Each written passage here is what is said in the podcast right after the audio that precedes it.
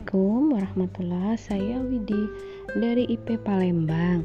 Untuk zona kedua ini saya mencoba untuk merekam melalui podcast. Nah, Tugas hari pertama ini aktivitas emosional check-in ya. Yang saya pilih adalah partner saya itu putri saya yang pertama yaitu Akila Usia 21 tahun. Aktivitasnya itu bertanggung jawab untuk dapat menyelesaikan skripsi tepat waktu Nah, yang kedua, emosi ataupun level uh, dari saya itu sebenarnya emosinya itu bukan kesal bukan ya khawatir lebih kepada khawatir. Sementara dari partner cuek aja gitu ya. Nah ketika saya ingatkan hmm, jawabnya kakak Kila itu hanya iya iya gitu loh.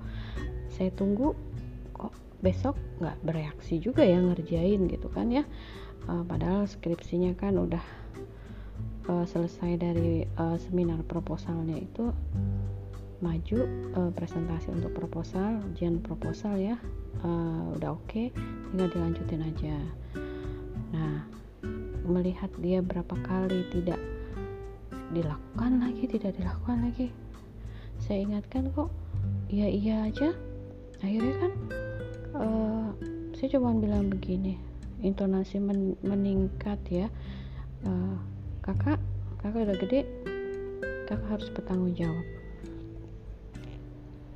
Dan kakak cuma jawab iya mah iya mah oke. Okay. terus untuk tanda di tubuhku yaitu tadi intonasi meningkat sementara kakak cuek ya.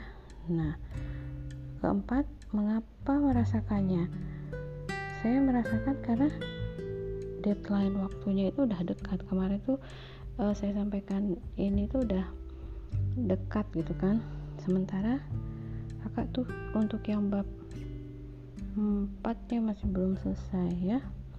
Nah terus hmm, saya maunya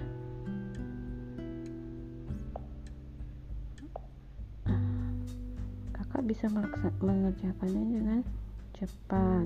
Nah untuk itu uh, karena kakak tidak mengerjakan dengan setiap hari ya tidak dicicil itu yang bikin saya jadi khawatir.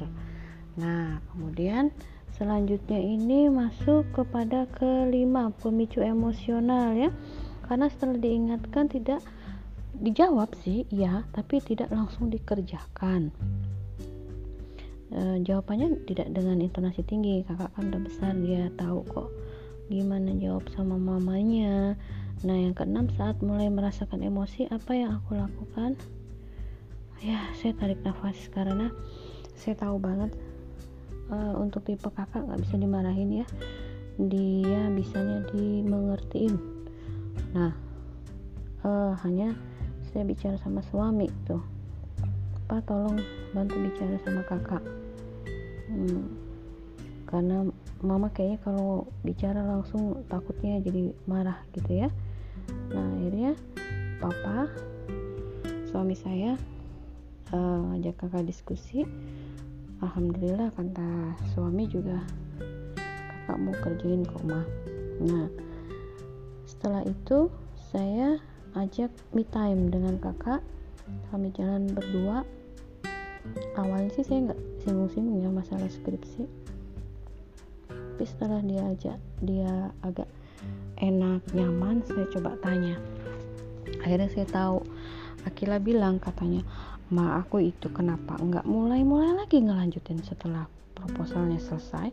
Karena aku bingung nih mau mulainya dari mana? Bener-bener ngeblank. Saya kayaknya semuanya itu pengen gue kerjain. Rasanya tuh aku juga kadang-kadang ngerasa buntu. Aduh nulis apa lagi ya? Ini yang mana lah ya?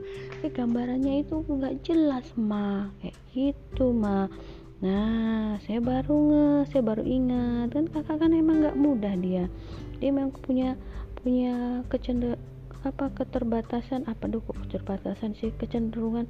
Kakak tuh nggak bisa ini kalau ngarang-ngarang tuh nulis-nulis itu lama. Karena dia tuh pengen perfect orangnya nggak mau salah gitu loh. Nah jadi itu yang bikin dia kayaknya maju mundur maju mundur ngerjainnya. Nah, alhamdulillah akhirnya dengan keterbukaan itu uh, kami jadi tahu akhirnya kakak kan kami minta untuk konsultasi dengan pembimbingnya uh, menyampaikan uh, bingungnya di mana. Dan ketika di rumah juga konsultasi belajar dengan papanya. Nah awalnya dia nggak mau terbuka itu bukan karena apa karena dia nggak ingin nyusahin orang tuanya tahu dia lagi kesusahan apa. Nah itulah anak-anak ya kadang kala nggak terbuka dia nah yang ketujuh, sebelum emosi muncul, kondisi tubuh yang dirasakan pusinglah kepala saya. Asli ngelihat uh, kakak yang udah harusnya rajin uh, kalau menurut kalau melihat saya dulu gitu kan paling nggak setelah selesai proposal skripsi itu langsung dikerjakan baik-baik langsung semangat. Nah ini kok kayak nyantai kesannya. Padahal dia mikir terus tuh katanya tuh. Pusing katanya. Jadi makanya nggak bisa nggak buntu. Nah ibaratnya tuh ya buntu. Nah kalau saya sih karena e, berusaha untuk tidak emosional ya.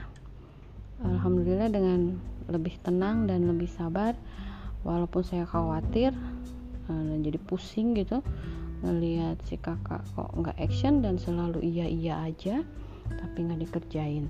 Nah alhamdulillah uh, dengan diskusi dengan me time dengan lebih tenang kakak akhirnya uh, bisa dan fokus untuk kerjakan.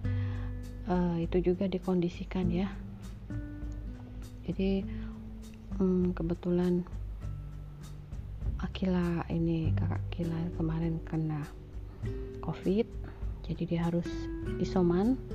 Nah saat isoman itu dia isolasi kan sendirian di kamar. Nah itu akhirnya yang bikin dia fokus untuk semangat selama sakit karena memang nggak terlalu berat kakak sakitnya uh, hanya ada pusing sama batuk-batuk ya.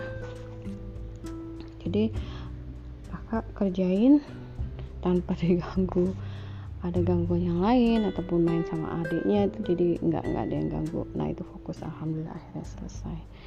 Demikian uh, untuk tugas di zona 2 ini aktivitas hari pertama.